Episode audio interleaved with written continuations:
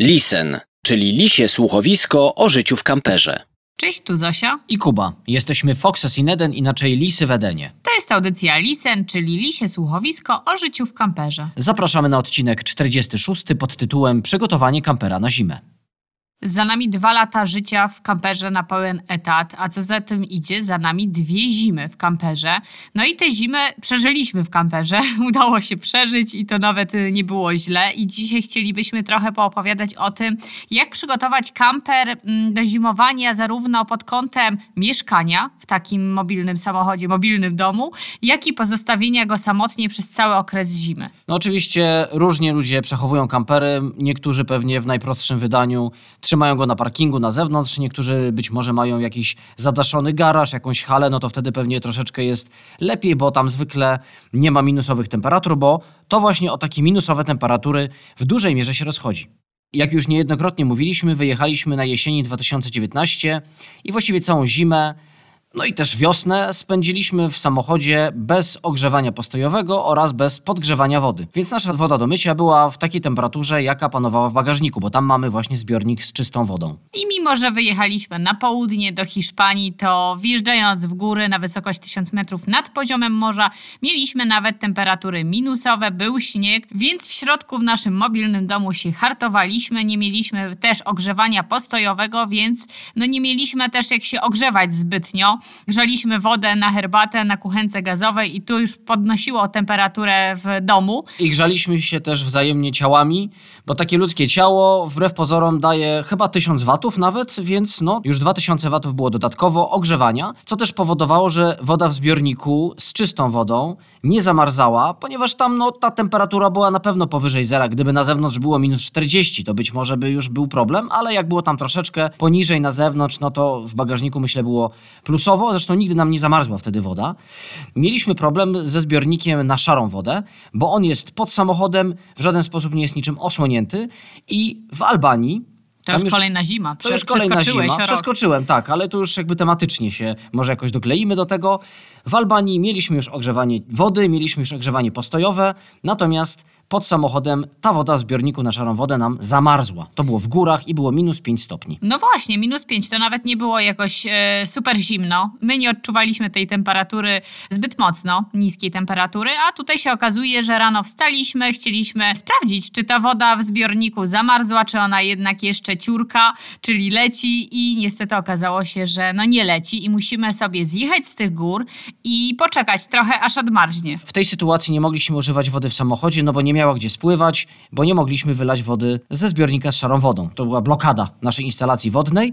Natomiast tematem odcinka jest to, jak przygotować ten samochód. Więc po pierwsze, moją poradą dla osób budujących jest to, żeby zbiornik z wodą czystą był umieszczony w samochodzie. Niektórzy próbują go instalować na przykład pod samochodem, a druga sprawa, jeżeli mamy zbiornik już pod samochodem z wodą brudną jak my, albo nawet tą czystą, możemy zainstalować takie maty grzewcze, które spowodują, że ta woda no, nie osiągnie tej temperatury zamarzania, chociaż oczywiście nie znaczy to też, że będzie ciepła, po prostu nie będzie zamarznięta. Też podobno są specjalne płyny, które można dolać, które powodują to, że woda nam nie zamarznie. No my żadnej z tych opcji nie próbowaliśmy. Zbiornik dalej mamy pod samochodem i zobaczymy, bo zima przed nami kolejna, aczkolwiek no my udajemy się do Grecji, więc mam nadzieję, że nic się strasznego nie wydarzy. Aczkolwiek zanim do tej Grecji dojedziemy, no to już kawałek zimy w Polsce może nas zastać. Może jest jeszcze opcja umieszczenia zbiornika z wodą szarą w samochodzie, ale wtedy musimy tak to wymyślić, żeby raczej nie zabrało nam miejsca na przykład w bagażniku, no bo szkoda tego miejsca na po prostu zbiornik z brudną wodą. Zdecydowanie tak. W bagażniku przyda się na przykład miejsce na łańcuchy. Mm, No na pewno każdy pamięta o oponach zimowych, jeżeli wyjeżdża na okres e, jesień-zima mm, albo w ogóle na cały rok, ale takie łańcuchy przydają się nie tylko w momencie, gdy chcemy przekroczyć jakiś odcinek drogi, gdzie wymagane są właśnie łańcuchy, ale na przykład przydaje się do wykopania się w momencie, gdy się zakopiemy, gdy na przykład spadnie śnieg i ugrzęźniemy i nie będziemy mogli wyjechać. Taką historię mieliśmy w Macedonii. Byliśmy nad jeziorem Prilepskim, obok miasta Prilep. No i piękny dzień, zostaliśmy sobie na noc, było wszystko super. Bynajmniej nie zimowy dzień. nie zimowy dzień, co prawda miesiąc zimowy, ale dzień zupełnie jak wiosna, taka wczesna, piękny był.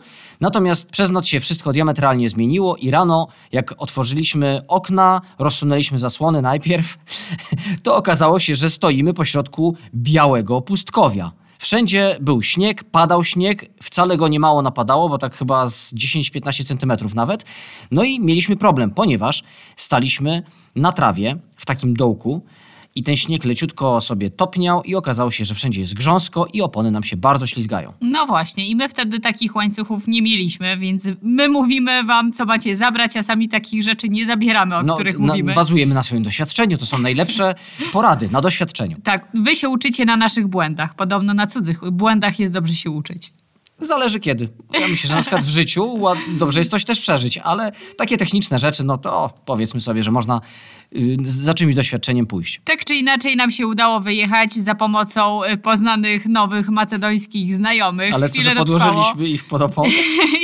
Ich nie podłożyliśmy pod opony, oni prawie podłożyli nas, bo bardzo chcieli nam pomóc, ale już w pewnym momencie nie widzieli ratunku. Ale całe szczęście tuż przed zachodem słońca albo chwilę po, bo już mm, ciężko było powiedzieć, bo jednak to niebo było trochę zasnute, udało się wyjechać i chyba takie łańcuchy nabędziemy właśnie na zimę przyszłą. Gdybyśmy mieli łańcuchy, no to od razu widząc, że e, koła się ślizgają, po prostu byśmy założyli łańcuchy i z tej takiej trawy rozmokłej wyjechali na spokojnie i nie byłoby problemu, ale też nie byłoby spotkania. Bo dzięki temu, że się zakopaliśmy, poznaliśmy fantastycznych ludzi, Macedończyków, u których spędziliśmy trochę czasu. Skoro już mowa o zakopywaniu i odkopywaniu samochodu, to warto też mieć ze sobą saperkę. No, wiadomo dlaczego, na podobne sytuacje, ale jak już y, coś grubiej się wydarzy, albo jak ten śnieg napada tak, że trzeba najpierw go trochę usunąć. I warto też pamiętać o tym, że jak spadnie śnieg, nam również na dach, a na dachu mamy zwykle panele fotowoltaiczne, no to wtedy one działać będą bardzo słabo już. Pomijając to, że jest zachmurzenie, to jeszcze dojdzie nam taka czapa śnieżna i myślę, że działanie ich będzie zerowe, więc trzeba na ten dach wejść i takie panele sobie odśnieżyć. No i wtedy, jeżeli ktoś ma drabinę zainstalowaną już na kamperze, to nie ma problemu, ale jeżeli nie ma, no to warto jest mieć ze sobą jakąś drabinę albo jakiś sposób mieć na to, żeby na ten dach wejść spokojnie i y, bezpiecznie, bo śnieg równa się ślisko i te panele móc sobie jakoś odśnieżyć. Czyli do tego dochodzi jeszcze zmiotka, szczotka, coś, czym odśnieżymy panele. Nagle zrobił się mm, odcinek o tym, co spakować do kampera na zimę. No, a dlaczego nie? To ja O bym tym mówimy. dorzuciła jeszcze y, na przykład rękawice, tak żeby jednak te ręce nie zmarzły. Tutaj już trochę tak się śmieję, ale wróciłabym na przykład do tego zahartowania się i tego, że nie mieliśmy ciepłej wody przez jakiś czas i ogrzewania postojowego. Jeżeli lubicie się też tak hartować, to polecam zabrać ze sobą pochłaniacz wilgoci, ponieważ no, jak takie nieogrzewane pomieszczenie zostawimy na trochę dłużej, to niestety ta wilgoć może nam się zbierać i może nam się trochę to pomieszczenie zagrzybić. Jak jest ogrzewanie, to siłą rzeczy powietrze się wysusza, a jak nie ma ogrzewania, to rzeczywiście my mieliśmy problem chociażby z tym, że wszystkie ubrania były takie wilgotne, to jest bardzo nieprzyjemne, więc warto jest w jakiś sposób tą wilgoć rzeczywiście usuwać. Będąc w drodze, na co dzień w kamperze, o wiele łatwiej na bieżąco radzić sobie z takimi problemami zimowymi. Natomiast teraz przechodzimy do części, w której opowiemy, co warto zrobić, kiedy ten kamper będzie sobie stał po prostu, kiedy go nie będziemy używać w czasie zimy. Ja powiem szczerze, że mam nadzieję, że takie rady nam się jeszcze długo nie przydadzą, ponieważ mam nadzieję, że na zimy kolejne przyszłe będziemy wyjeżdżać i zimować będziemy gdzieś, gdzie będzie temperatura mocno dodatnia. Czyli y, dajemy rady, które się nie powinny przydać nikomu. Wszystkim polecamy wyjeżdżanie na zimę w cieplejsze rejony, tam gdzie nie będzie trzeba się martwić właśnie zimą. Koniec odcinka, dziękujemy. Cześć. I wracamy po chwili. Jeżeli naprawdę musimy już zostawić ten kamper samotnie na kilka miesięcy, no to w ideale byłoby zostawić go właśnie w jakimś zadaszonym miejscu, w ogrzewanym najlepiej, żeby tam się nic nie działo, żeby ta wilgoć nam się w środku nie zbierała, żeby nie trzeba było odśnieżać dachu, jeżeli nam zasypie ten dach.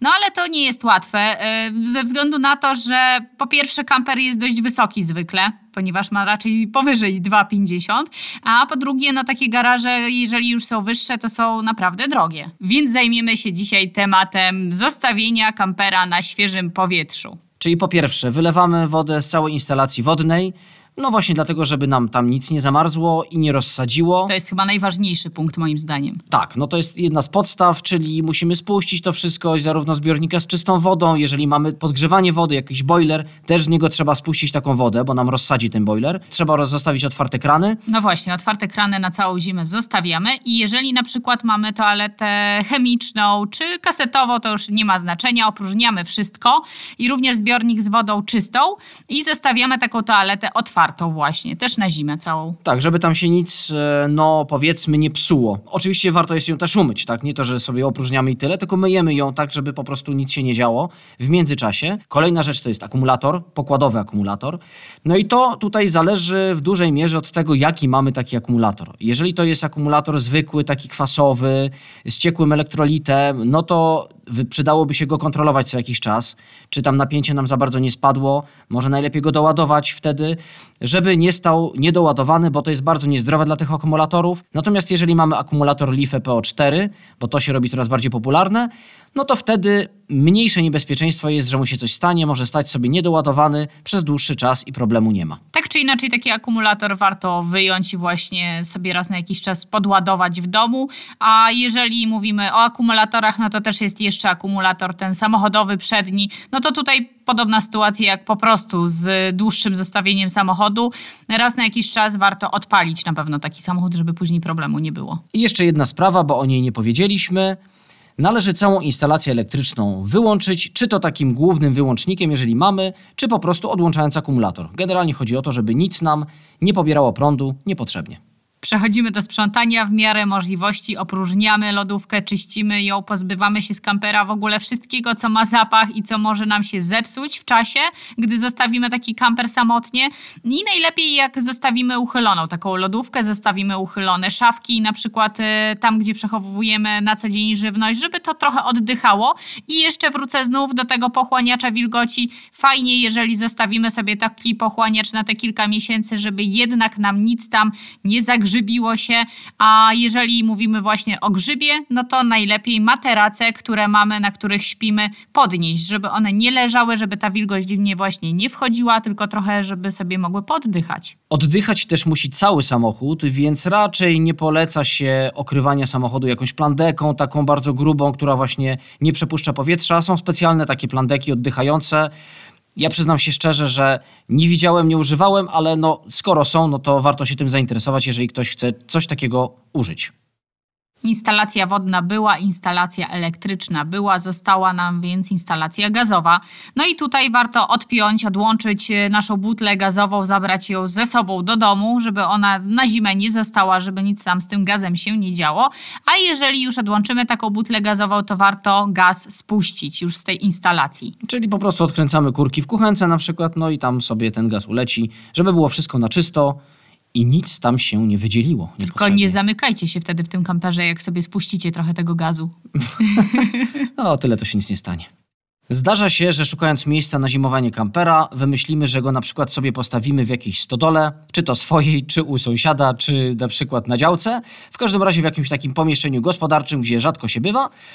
No i może się zdarzyć niestety, że chętnie w takim kamperze nam się zalęgną myszy. Już słyszeliśmy takie historie, że powygryzały pół tapicerki, albo gdzieś w silniku się zainstalowały, albo no, zrobiły dość duże zniszczenia w środku. Mimo, że my do stodoły nigdy nie wjechaliśmy, ani na zimę, ani w inną porę roku również nie, to na przykład taką mysz w kamperze mieliśmy i na kanale naszym na YouTube e, pokazywaliśmy, jak takiej myszy się pozbyliśmy i jak właściwie sobie radziliśmy z tą myszą. Mysz u nas była raptem chyba dwa czy trzy dni i już spowodowała trochę zniszczeń, bo po pierwsze nam powygryzała ścieżki w ścianach w izolacji termicznej, a po drugie, no zostawiła już trochę bobków w szafkach, nawet nie trochę, w każdej chyba szafce, gdzie mogła każdej, wejść, były każdej. bobki. Tak, ja byłam przerażona, jak zobaczyłam, że ona była w takich miejscach, no moim zdaniem zamkniętych, a jednak myszka, No, myszka, sobie poradziła. No i w takim właśnie celu, żeby takich gryzoni nie było u nas w domu, polecany jest elektroniczny odstraszacz gryzoni. My wtedy takiego odstraszacza nie mieliśmy, ale sobie zorganizowaliśmy. No i już od tego momentu, gdy z myszką się pożegnaliśmy, taki odstraszacz mamy. Nie wiem, czy działa, ale no żadnego gryzonia nie było. Urządzenie, które mamy my, instaluje się pod maską samochodu i ono wysyła ultradźwięki, czy jakieś takie dźwięki, których człowiek nie słyszy, Pies też chyba nie słyszy, a jeżeli nawet słyszy, to mu to nie przeszkadza, bo hippie nasza nie reaguje na to, natomiast gryzo nie słyszą, dla nich to jest nieprzyjemne i po prostu nie podchodzą.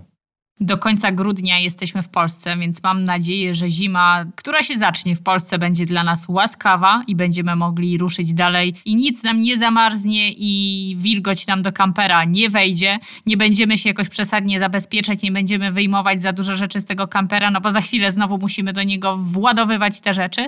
I ja bym tylko jeszcze polecała, jeżeli już mówimy o zimie w kamperze, żeby zabrać z sobą bikini i kajak dmuchany, bo myślę, że taka zima w kamperze jest najlepszą zimą. Mamy nadzieję, że takie właśnie rzeczy przydadzą nam się na południu Grecji. Na przykład. Dzięki, że dzisiaj z nami byliście. Do usłyszenia za tydzień. Dzięki, trzymajcie się ciepło. Cześć. Cześć, cześć.